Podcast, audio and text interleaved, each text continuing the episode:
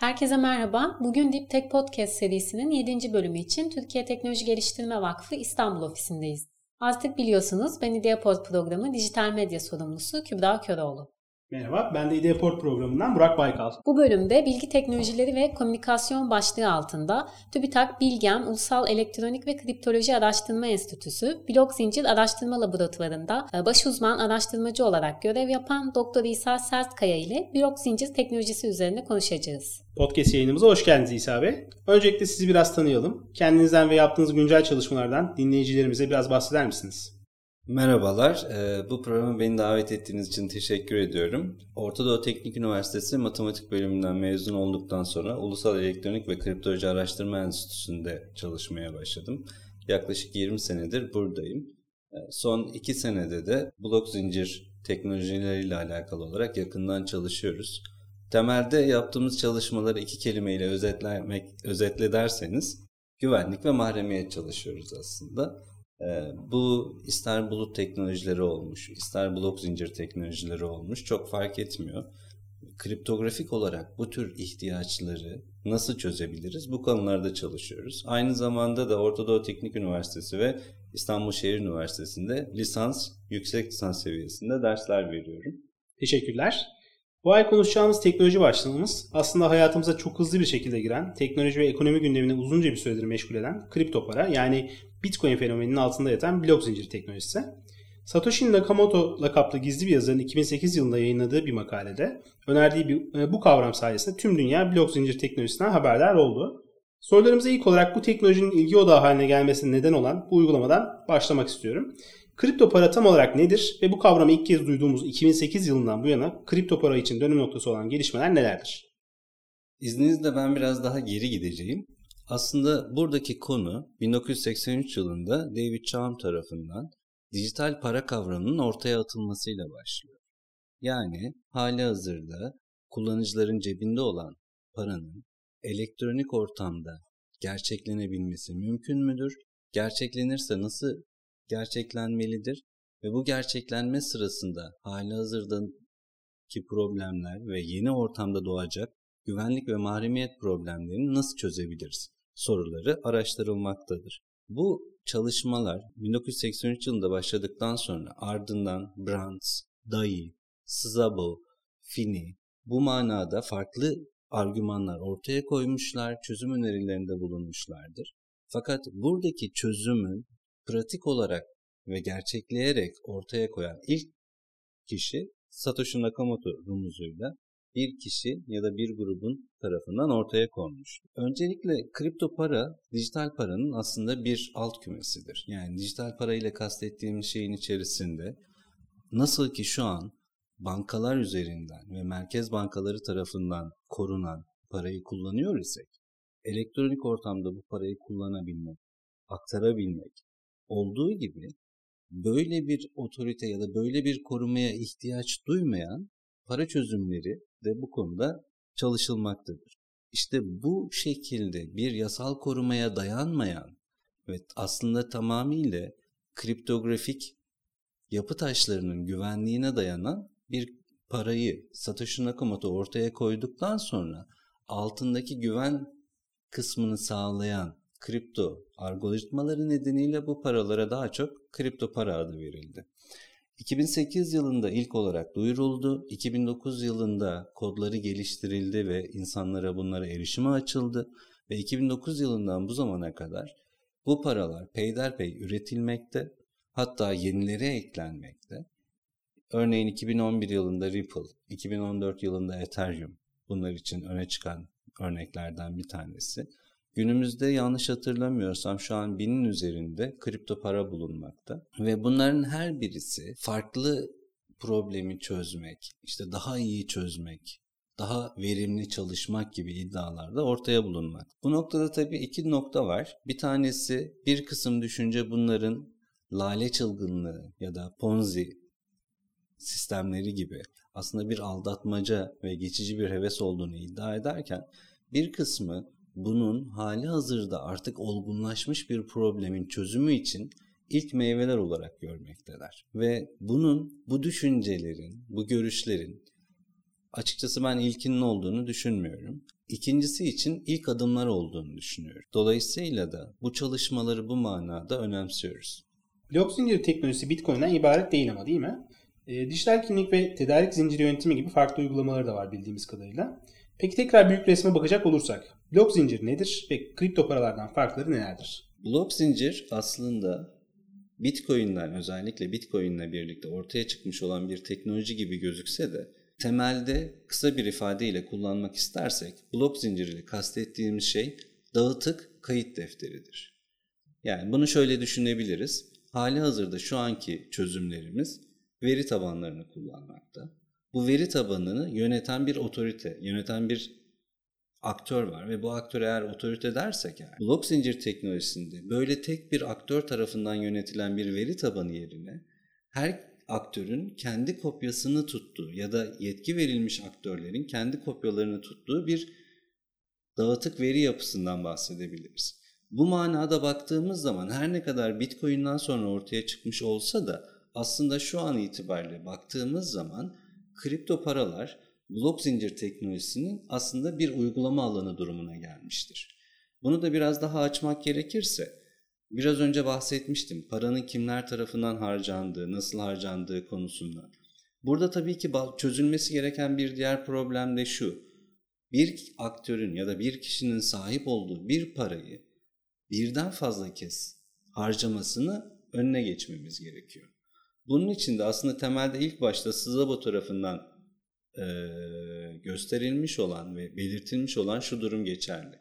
Paranın birden fazla harcanmasının engellenebilmesi için kayıtların sistem içerisindeki bütün aktörler tarafından tutulması ve bu tutulan kayıtların da bir anlaşma ile mutabakat altına alınması gerekiyor. Nakamoto rumuzuyla bu sistemi yayınlamış olan kişi bunu yaparken bu verilerin küçük bloklar halinde ama aynı zamanda bir önceki bloğun bütünlüğünü koruyacak şekilde birbirine bağlı bir veri mekanizması ile bu sistemi çözdü.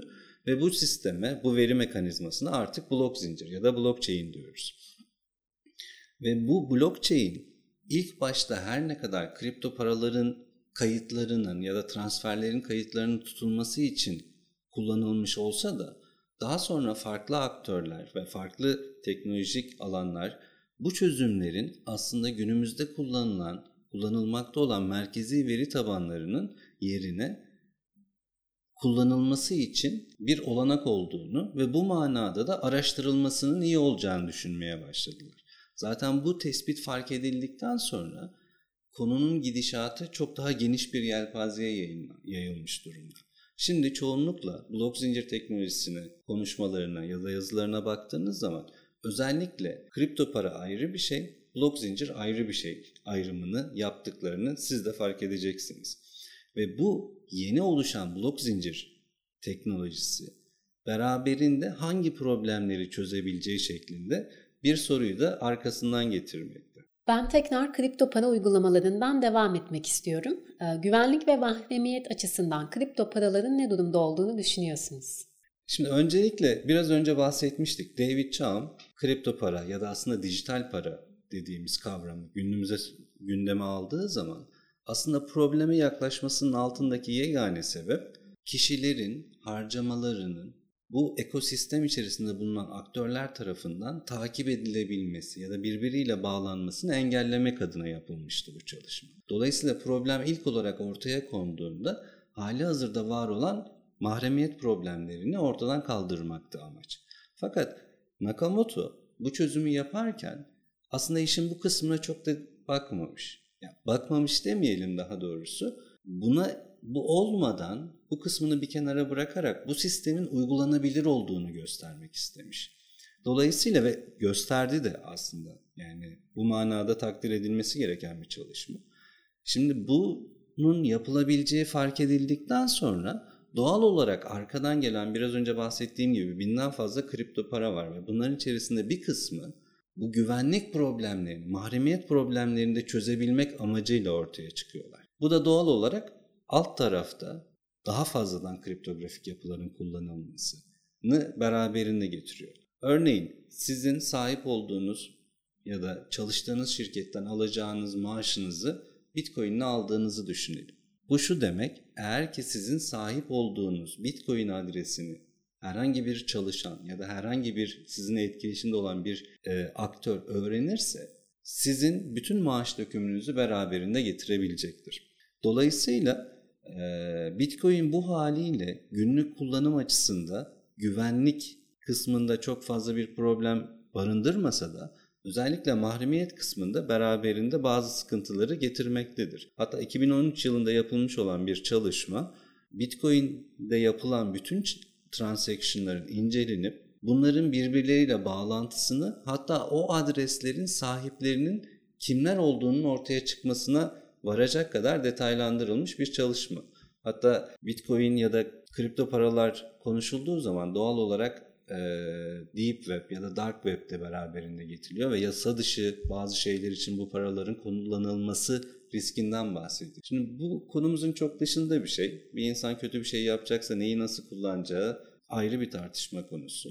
Fakat gerçekten de Silk Road olarak adlandırılan ve internet ortamında bu tür yapılar için bir ortam oluşturmayı hedeflemiş aktörlerden bir tanesinin sahip olduğu Bitcoin adresi bu manada ortaya çıkartıldı ve bu sayede de yapılan operasyonla birlikte bu kişinin sahip olduğu Bitcoin'ler Amerikan hükümeti tarafından el konuldu. Daha sonra da bir ihale ile bu Bitcoin'ler satıldı. Ve bu manada güvenlik kısmı hala daha gelişmekte olan bir konu. Ve bu, bu noktada hem kriptograflar hem de bu işin kripto para teknolojisi ya da blok zincir teknolojisi kısmında bu konuları çalışan insanlar mevcut çözümleri daha ucuza, daha uygun ve daha verimli bir şekilde yapmak adına gün geçtikçe mesafe kat ettiklerini ben açıkçası düşünüyorum. Bu teknolojiyi birazcık daha detaylı konuşalım isterseniz. E, blok zincir platformları ve uygulama alanları nelerdir? Bir de blok zincir teknolojisinin tüm teknolojik problemleri çözmek için kullanabilir miyiz? İsterseniz ben bu sorunun cevabına tersten başlayayım. Son sorunun cevabı blok zincir her şeyde kullanılabilir diye bir düşüncenin doğru olmadığını düşünüyorum açıkçası.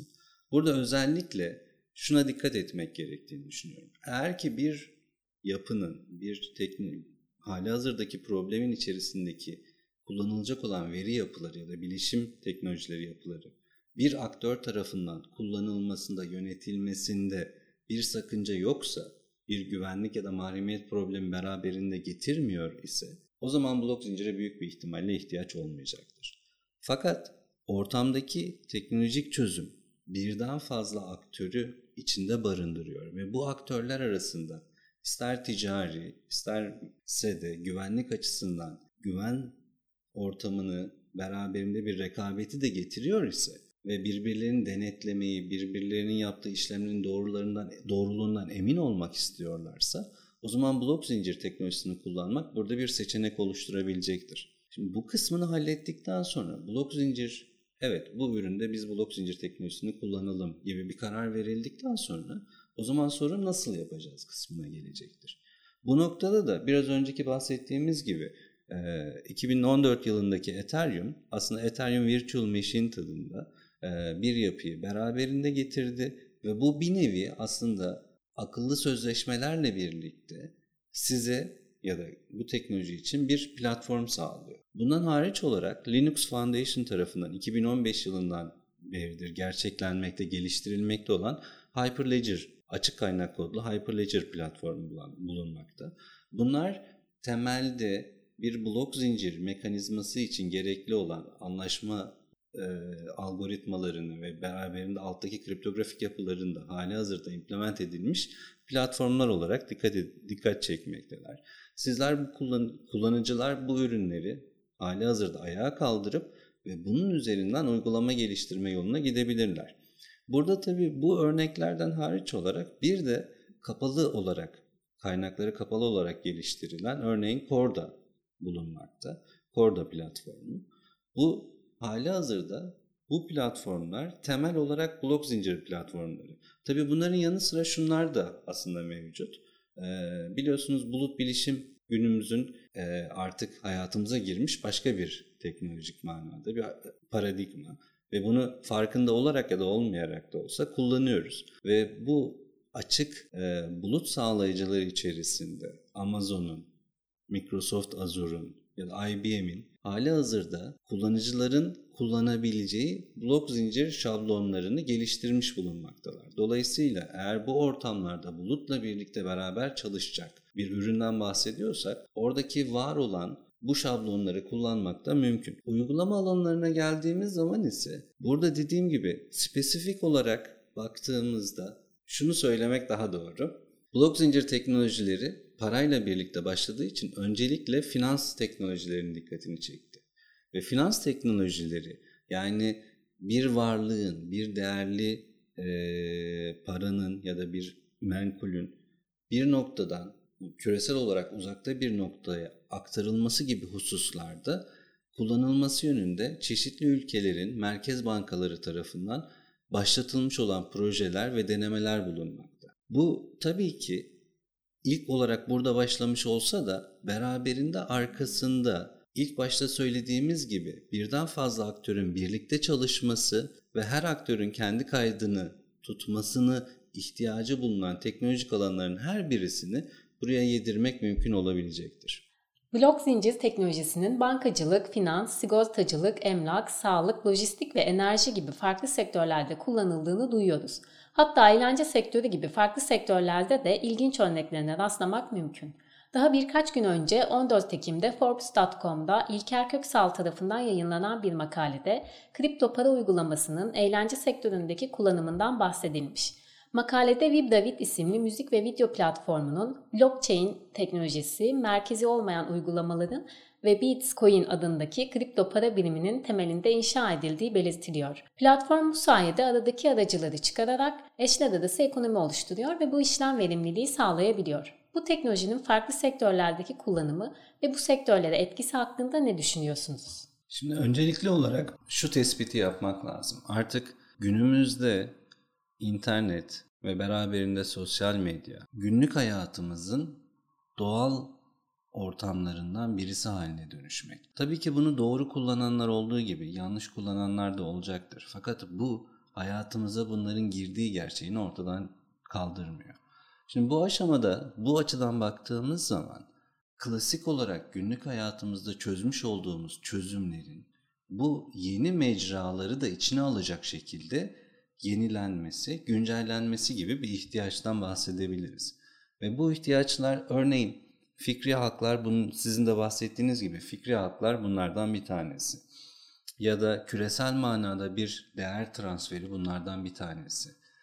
Bir kişinin internet ortamında, siber ortamda kimliğini ispatlayabilmesi ve gerçek kimliğiyle işlem yapabilmesi ya da kişisel bilgilerini açık etmeden bazı işlemleri yapabilmesi doğal problemlerimiz haline dönüşmüş durumda. Ve blok zincir teknolojisiyle geliştirilecek olan çözümlerin bu problemleri bir manada aşabileceği öngörüsü bulunmaktadır. Örneğin şunu örnek olarak şunu verebiliriz. Kimlik yönetimi, erişim denetimi gibi problemler uzun yıllardan beri çalışılan problemler. Evet hali hazırda çözülmüş olan bir ürünler bulunmakta ve şu an son kullanıcı olarak baktığınız zaman örneğin Facebook ya da Google ya da Twitter ve benzeri kimlik sağlayıcılarının vermiş olduğu, yönetmiş olduğu kimlikleri kullanarak insanlar oyun oynarken ya da internet ortamında bir servis kullanırken buralardan almış oldukları kimlikleri kullanarak diğer tarafa erişim sağlayabilmekte. Ve bu aslında bu şirketlere ciddi manada bir iş olanağı sunmaktadır. Burada temelde bunun kötü ya da yanlış olduğu gibi bir şey söylemiyorum. Bu bir çözümdür ve farkında olmadan gündemimize girmiş ve kullanılmaya başlanmıştır. Örneğin Facebook'un aylık olarak aktif 2.3 milyar kullanıcısının olduğu tahmin ediliyor. Ve bu şekilde 2.3 milyar kişinin internet ortamında hangi servisi kullandığı, hangi oyunları oynadığı, hangi ürünlere baktığı gibi bilgiler beraberinde ciddi bir ekonomiyi getirmekte. Ve bu aynı zamanda da beraberinde belirli tehditleri de getirmekte. Çünkü siz bir kişinin bu tür davranışlarına dikkat ederek bütün profilini çıkarmanız, tespit etmeniz, belki de yönlendirmeniz gibi riskleri de bulundurmakta. Bu noktada biz TÜBİTAK Bilgem olarak Blok Zincir Araştırma Laboratuvarı'nda öncelikle çalıştığımız projemiz dijital kimliğin blok zincir teknolojisiyle birlikte bu şekilde hizmet veren şirketlerdense yerel ve hatta ülkesel manada, ulusal manadaki kimlik vericilerin vermiş olduğu kimlikleri kullanıcıların yönetimine vererek kullanacağı servisler sırasında bütün bilgilerini açık etmesi değil de sadece bir kısmını gerekli gördüğü ya da izin verdiği kısmını vermesi ne imkan sağlayacak yeni kimlik çalışmaları var. Burada biz bunu ilk olarak çalışan kurum ya da kuruluş değiliz. Fakat güncel olarak çalışılan bu konuyu yakından takip ediyoruz ve başlatmış olduğumuz proje ile şu anda yakın zamanda Türkiye'de dağıtılmaya başlanan Türkiye kimlik kartlarının yeni versiyonunu aslında bir nevi çalışıyoruz.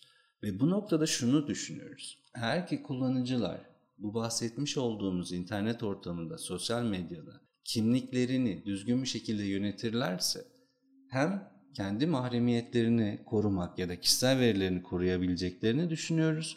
Bununla birlikte de bu örneklerdeki bahsedilen işte kaynak ya da bir bilgi üreten ile bu bilgiyi kullananın arasında düzgün çözümlerin ortaya çıkabileceğine inanıyoruz.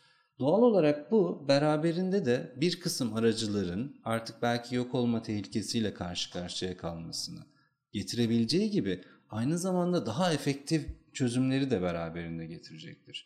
Yani şunu düşünebilirsiniz. Yani bir yazı yazdınız ya da bir görsel ürettiniz ve bu görseli satmak istiyorsunuz. Ve bu görseli satmak için herhangi bir aracıda bunu sergilemek yerine doğrudan alıcının size erişmesine imkan sağlayan bir çözümü düşünün. Bu manada çok daha efektif bir çözüm olacağı, hatta belki daha doğru bir ekonomi modelini beraberinde getireceğinden bahsetmek mümkün. Yapay zeka, kuantum hesaplama, endüstriyel e, nesnenin interneti gibi iş dünyasına sek- e, ve sektörleri doğrudan etkileyebilecek farklı gelişen teknolojiler mevcut. E, ancak blok zinciri e, diğer gelişen teknolojilerden ayıran temel farklılık iş yapış alışkanlıklarımızı ve iş modellerimizi kökten değiştirebilme potansiyeline sahip olması sanırım. E, Blockchain Türkiye Yürütme Kurulu Başkanı Faruk Eczacıbaşı'nın da ifade ettiği gibi bu teknoloji bir arada değer yaratabilen iş ekosistemlerini ve birlikte çalışan sektörler arası konsorsiyumları zorunlu kılacak gibi görünüyor. Sizin bu konudaki düşünceleriniz nelerdir? Benzer düşüncelere ben de sahibim. Bu noktada e, blok zincirden ya da kripto paralardan bahsedildiği zaman şöyle tanımlamalarla karşılaşmak mümkün. Güvene ihtiyaç duymayan, güven gerektirmeyen. Bu tanımlamayı biraz daha açarsak aslında buradaki kastedilen şey özellikle herkes tarafından erişebilecek, erişilecek bir blok zincir teknolojisinden bahsediyoruz. Herkes tarafından okunacak ve herkes tarafından yazılabilecek blok zincir teknolojisinden bahsediyorsak aslında burada güvene ihtiyaç duyulmuyor tanımlaması çok da doğru kaçmayacaktır. Bunun yerine aslında bu durumu şöyle açıklamak daha doğru. Blok zincir teknolojisi aslında güveni birden fazla aktörlere dağıtması güvenin birden fazla aktöre dağıtılarak kullanılması ya da sistemin kullanılmasına aslında olanak sağlıyor. Bunu Bitcoin özelinde açıklarsak eğer Satoshi Nakamoto bu blok zincir teknolojisiyle Bitcoin'i ortaya çıkardığında aslında bir nevi sonrasında ortaya şöyle bir durum çıktı. Bir tarafta bu kodları geliştiren yazılımcılar var. Bir tarafta bu kodları kullanan son kullanıcılar var. Bir tarafta bu kodlarda kayıtları tutmayı görev edinen düğüm noktaları var. Bir tarafta da madenciler var. Ve herhangi bir taraf sistemi kötüye kullanmak istediği zaman diğer aktörler aslında bunun kötüye çekilmesinin önünde bir nevi engel oluşturuyor. Yani örneğin kodlar açık kaynak kodlu. Dolayısıyla herkes izleyip içerisine bakıp inceleyip bir hata olup olmadığını ya da bir yanlışlık ya da bir arkasında bir e, çevrilen bir arka kapı olup olmadığını görebilir. Bununla birlikte yazılımcılar aslında kullanıcılar tarafından kabul edilmeyecek, edilmeyen yeni bir özelliği hemencecik alıp sisteme entegre edemiyorlar. Ya da madenciler istedikleri şekilde kendilerine ödül yazamıyorlar. Çünkü bu sefer düğüm noktaları bu önerilen yapıları kullanmayacaklar. Şimdi buradan hareket edince ve bunu blok zincire taşıdığımız zaman ister açık bir blok zincir teknolojisi olsun, isterse de özel ya da izinli bir blok zincir teknolojisi olsun. Çözümleri daha geniş aktörler arasında beraber ayağa kaldırıp çözüme yönelmek doğal olarak verimliliği artıracaktır. Şimdi bir tapu almaya çalıştığınız ya da bir ruhsat almaya çalıştığınızda daha doğrusu Sağlık Bakanlığı'ndan bir belge almanız gerekir. Maliye Bakanlığı'ndan bir belge almanız gerekir. Ticaret Bakanlığı'ndan bir belge almanız gerekir ve bunların her birisinin tamam olması gibi bir yapıyı düşünün. Ve bütün bu süreçleri tekrar ettiğinizi düşünün. Her birisi için ayrıca gidiyorsunuz, geliyorsunuz, gidiyorsunuz, geliyorsunuz. Ama bunun yerine bu aktörlerin aynı anda eriştiği bir veri yapısının içerisinden, birisinden alınan belgenin doğrudan ispatının konduğu ya da belki kendisinin konduğu özel olarak doğal olarak tabii ki mahremiyetinizi koruyarak yapıların olduğu zaman daha hızlı, daha efektif, daha doğru ya da belirli sahteciliklere müsaade etmeyen çözümlere evrileceğini öngörmek doğal olarak mümkün. Faruk Bey aynı zamanda da zaten bu düşüncelerin yanı sıra Blockchain Türkiye platformunun da bir nevi gelişimine öncülük ederek e, Soner Canko Bey ile birlikte aslında buradaki düşüncesini sadece düşünce seviyesinde değil realde de bir aksiyonla bir oluşuma döndürdü. Ve şu an Blok Zincir Blockchain Türkiye platformu yaklaşık 80'in üzerinde hem kamudan hem özel sektörden e, hem de akademiden insanları bir araya getiriyor. Çalışma grupları bu alanda neler yapılabilir, bu teknolojiyle hangi problemler nasıl çözülebilir konusunda e, çalışmalarını devam ettirmekteler. Blok zincir teknolojisi ve bu teknolojiye dayalı olan kripto paraların dünya çapında bazı ülkelerde kabul gördüğünü, bazı ülkelerde ise bu konuya mesafeli yaklaşıldığını görüyoruz. Bu teknolojiye adapte olmaya başlayan ülkelerde blok zincir teknolojisinin uygulama alanlarına özel regülasyonların oluşmaya başladığını biliyoruz. Bu teknolojinin bağlı olduğu regülasyonlar konusunda dünyada ve ülkemizdeki son durum nedir? Teknolojik olarak bu konu çalışılarak öğrenildiği gibi regülasyonlar konusunda da ne yöne evrileceği aslında biraz öğrenilme aşamasında. Bu noktada şunu açıkça söylemek lazım. Yani geçmişte para dediğimiz şey aslında değerli bir madenlerle başladı olay. Bir dönem altın varken gümüşe döndü. Gümüşten bakır, nikel kullanılmaya başlandı. Sonra fiyat para dediğimiz kağıt paraları kullanıyoruz. Ve bu dönüşüm esnasında aslında her bir para bir öncekinin değerini kendi üzerine taşımış durumda. Yani herkesin elinde gümüş varken artık bakır paraları kullanacağız dediğinizde insanlar gümüş paraları sattılar ve bunun karşılığında aldığı bakır paraları kullanmaya başladılar. Ya da elindeki altını satıp buna karşılık kağıt para alıp kağıt parayı kullanmaya başladı. Dolayısıyla burada da bir dönüşüm yaşanacağı açık ve bu dönüşümün nasıl olacağını şu an aslında bütün aktörler ve kanun koyucular da çalışmaktalar. Ha mevcut düzenlemeler bu konuda ne kadar yeterli diye sorarsanız henüz yeterli olduğunu düşünmüyorum. Ama ciddi manada ele alındığını biliyorum. Hem hukuki olarak hem de regülasyonlar açısından nasıl bir düzenlemeye gideceği. Ve bununla birlikte bir kısım bunun hiçbir zaman hayatımıza girmeyeceği yönünde düşünceler mevcut olduğunu da biliyorum. Ama bu noktada ekonomide şöyle bir yasa var. Gresham yasası olarak geçiyor. Ve bu yasa temelde şunu söylüyor. Kötü para iyi parayı her zaman ortadan kaldırır. Şimdi bu sözü söylerken kötü para nedir, iyi para nedir diye açıklamak lazım. İyi para ile kastettiğimiz şey o paranın ya da para olarak kullandığımız değeri değiştirdiğinizde fiziki olarak hala daha değerini korumaya devam eden para aslında kastedilen. Dolayısıyla altın var elinizde ya da bir altın külçesi var. Erittiniz yine altın ve yine değerli. Fakat elinizde bir tomar para var gittiniz ateşe attınız. Artık kağıt para bu manada aslında değerini içinde barındırmayan bir para ve bu manada daha kötü bir para olarak addediliyor. Ve geçmişte yanlış hatırlamıyorsam 1500'lü yıllarda söyleniyor. Hatta daha öncesinde de farklı düşünürler ve bilim insanları tarafından dile getirilmiş olan bir yasa bu.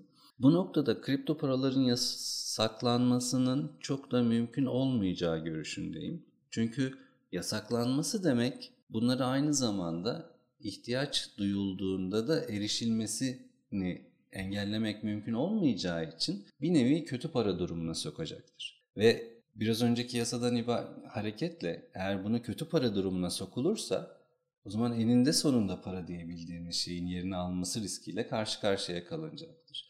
O nedenle burada regülasyonları yasaklamak şeklinde değil de bununla birlikte yaşamak ve yaşamayanın yolunu açacak ama aynı zamanda gerekli kontrollerin ya da gerekli olabilecek kötü kullanımlara karşı engelleyici kontrollerin belirlenmesi, cezalarının belirlenmesi şeklinde bir yönelimle yapmak çok daha doğru olacaktır. Bakın para konusunda aslında en önemli şey güvendir. Eğer ki bu parayı güven, para diye ortaya koyduğunuz şeyi kullanıcılar güveniyorlarsa yaşamına devam edecektir.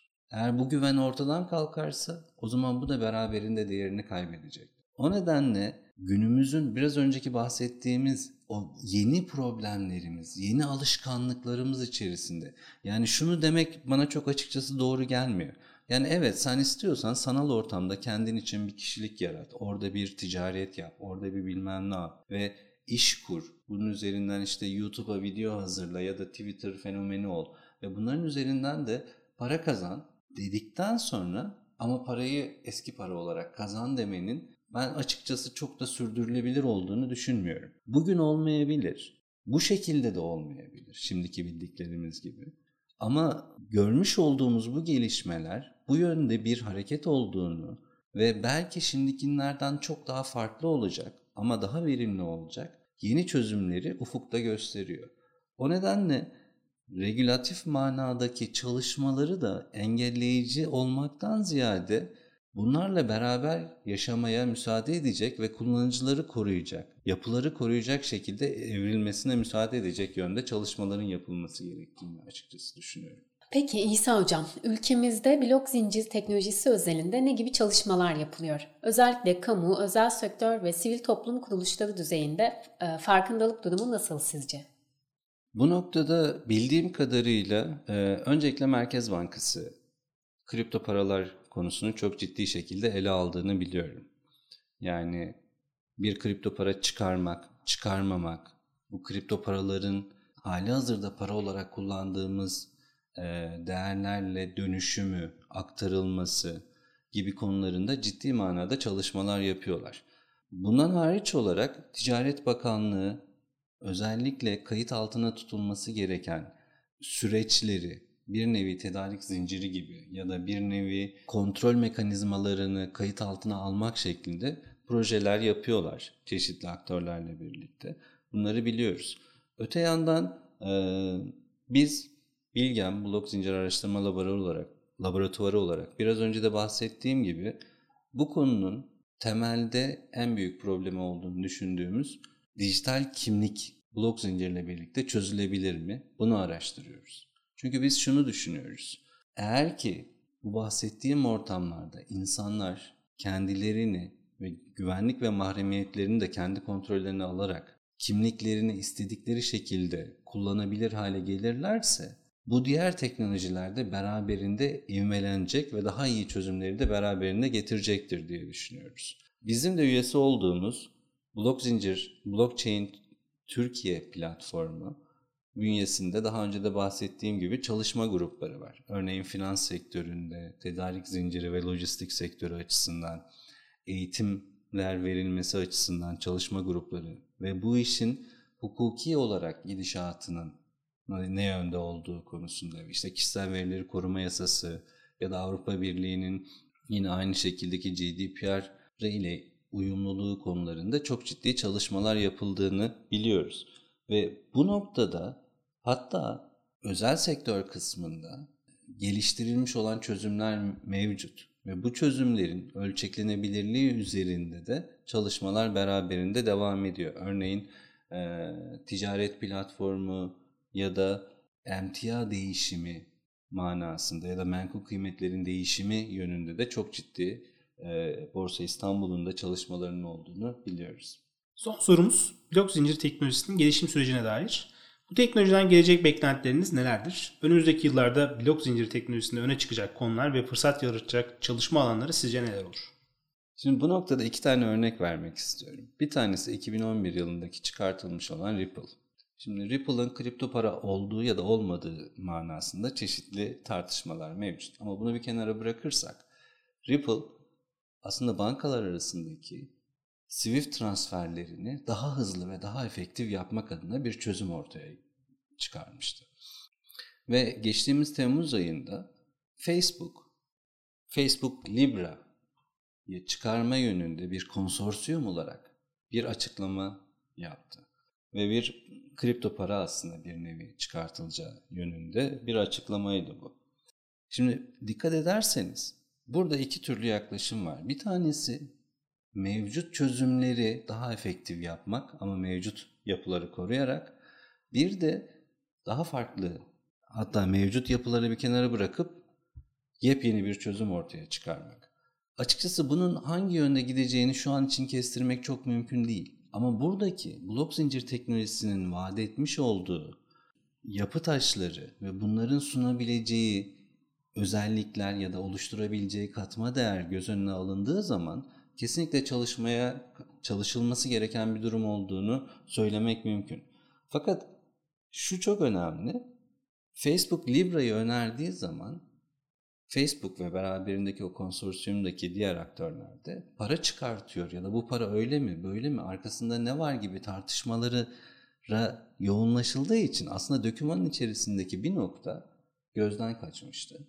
Ve bu noktada şu aslında Libra ile birlikte Facebook biraz önce bahsettiğimiz gibi kimlik yönetimine tekrar eğilmiş durumda. Ve bakın bu noktada çok çarpıcı bir çalışma var. 2018 yılında yapılıyor. Washington Post Amazon üzerinde satılmakta olan sarf malzemelerin listesindeki en üstteki 10 tanesine yapılmış olan yaklaşık 46 bin ya da 50 bin diyelim 50 bin yorum alıyor ve inceliyor. Bu yorumların gerçekten bir kullanıcı tarafından mı yapıldığını ya da Amazon'un kullanım şartnamelerine aykırı olarak belirli gruplar tarafından mı yapıldığının araştırmasını yapıyor. Ve çok çarpıcı bir özel bilgiye ulaşıyorlar ve diyorlar ki yaklaşık olarak 36 bin yorum Facebook üzerinde kurulmuş olan bu tür yorum yapmak için var olan ve parayla bunu yapan gruplar tarafından yazılmış. Bakın bu insanların günlük hayatını etkileyen bir husus. Yani herhangi bir ürün alacağınız zaman gidiyorsunuz fiyat bolu performans araştırması yapıyorsunuz. Ve alacağınız ürünü daha önceki almış olan kişilerin ne yorumlar yapmışlar, ne yorumlar yazmışlar bunları okuyarak yapıyorsunuz. Şimdi karşınızdaki problem şu. Bu yorum gerçekten doğru mu, değil mi? Şimdi bunu Facebook yapmıyor tabii ki. Ama şu anki çözüm bunlara müsaade ediyor. Ve İngiltere'de Juniper Research'ın e, yapmış olduğu bir araştırmada 2023 yılı itibariyle yaklaşık olarak 100 milyar dolarlık reklam sektörünün özellikle de dijital reklam sektörünün 100 milyar dolarlık 120 milyar dolarına tekabül edecek bir etkilemeden bahsediyoruz burada. Yani reklam sektörünün yaklaşık olarak %10'dan daha fazlası bu şekilde manipüle edilerek bir aktörler tarafından bu reklamı veren şirketlerin ulaşamadığı, müşterilerine ulaşamadan reklam verdiği, dolayısıyla da bu paranın aslında düzgün harcanmadığı gibi bir durum beraberinde getiriyor.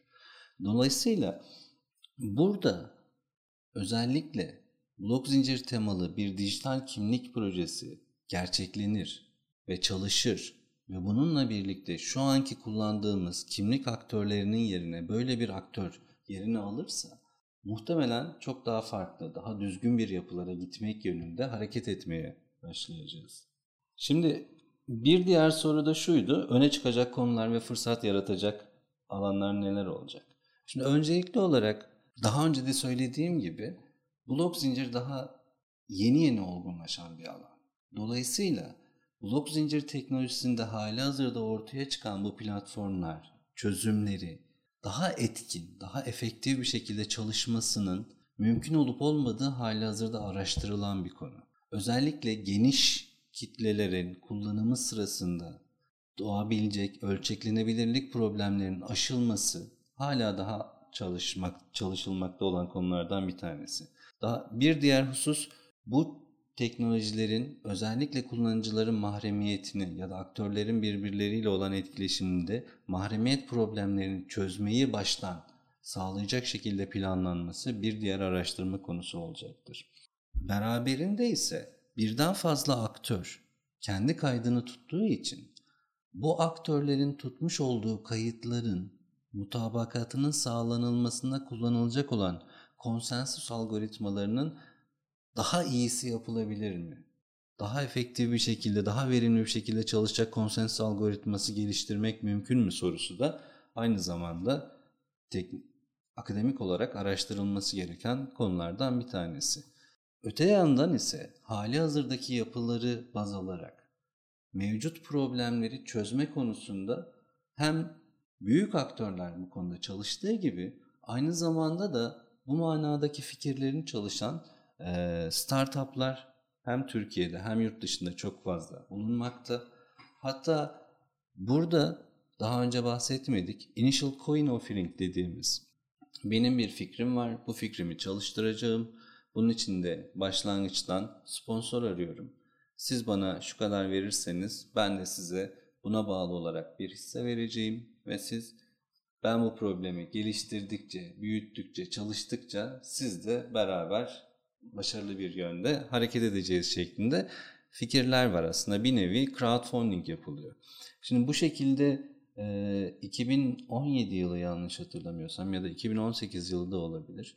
Alınmış olan desteklerin yaklaşık 11 milyar dolar olduğu tahmin ediliyor. Bakın hiç bilmediğiniz bir yerde birisinin bir fikrine evet ben senin bu fikrinin çalışacağını düşünüyorum. Bu manada da sana sponsor oluyorum ve şu kadar veriyorum şeklinde dağıtılan bir paradan bahsediyoruz. Bunları aynı zamanda ülkesel bazda ya da global bazda daha akıllı bir şekilde yapmak, bunları yönetmek ya da benzer şekilde işte sigortacılık ya da bir bilginin varlığının ispat edilmesi ya da tedarik zincirlerinin kurulması bu manada.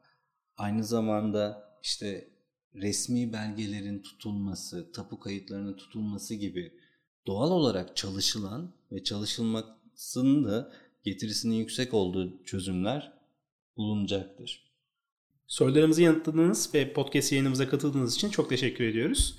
Bizim için oldukça faydalı ve zevkli bir yayın oldu. Son olarak konu hakkında eklemek istedikleriniz nelerdir? Öncelikle blok zincir yeni bir nosyonu, yeni bir paradigmayı hayatımıza soktu konusunda herkesin hem fikir olduğunu düşünüyorum. Ama bu her problemi çözeceği manasında da gelmiyor açıkçası. Dolayısıyla özel problemin özelinde bunun kullanılmasının getirilerinin ve götürülerinin iyi çalışılması gerektiği bir çok ciddi bir durum. Bununla birlikte belki son kullanıcıyı aslında çok etkilemeyecek. Yani teknolojinin altında bulut bilişim mi kullanılmış, yapay zeka mı kullanılmış, Internet of Things mi varmış ya da blok zincir mi varmış çok fark etmeyebilir. Ama gözüken şey şu. Teknolojik gün geçtikçe insanların günlük hayatının en ücra noktalarına kadar girmekte. Ve teknoloji bu manada hayatımızın ve internetle birlikte hayatımızın vazgeçilmez bir parçası haline dönüşmeye devam ettikçe blok zincir ve beraberinde de diğer teknolojik yeni fikirler doğal olarak çalışılması ve ne tür bir fayda sağlayacağı konularında ciddi manada çaba harcanması, projelerle ya da desteklerle bu araştırmaların yapılması gerekliliği de gün gibi aşikar olduğunu düşünüyorum.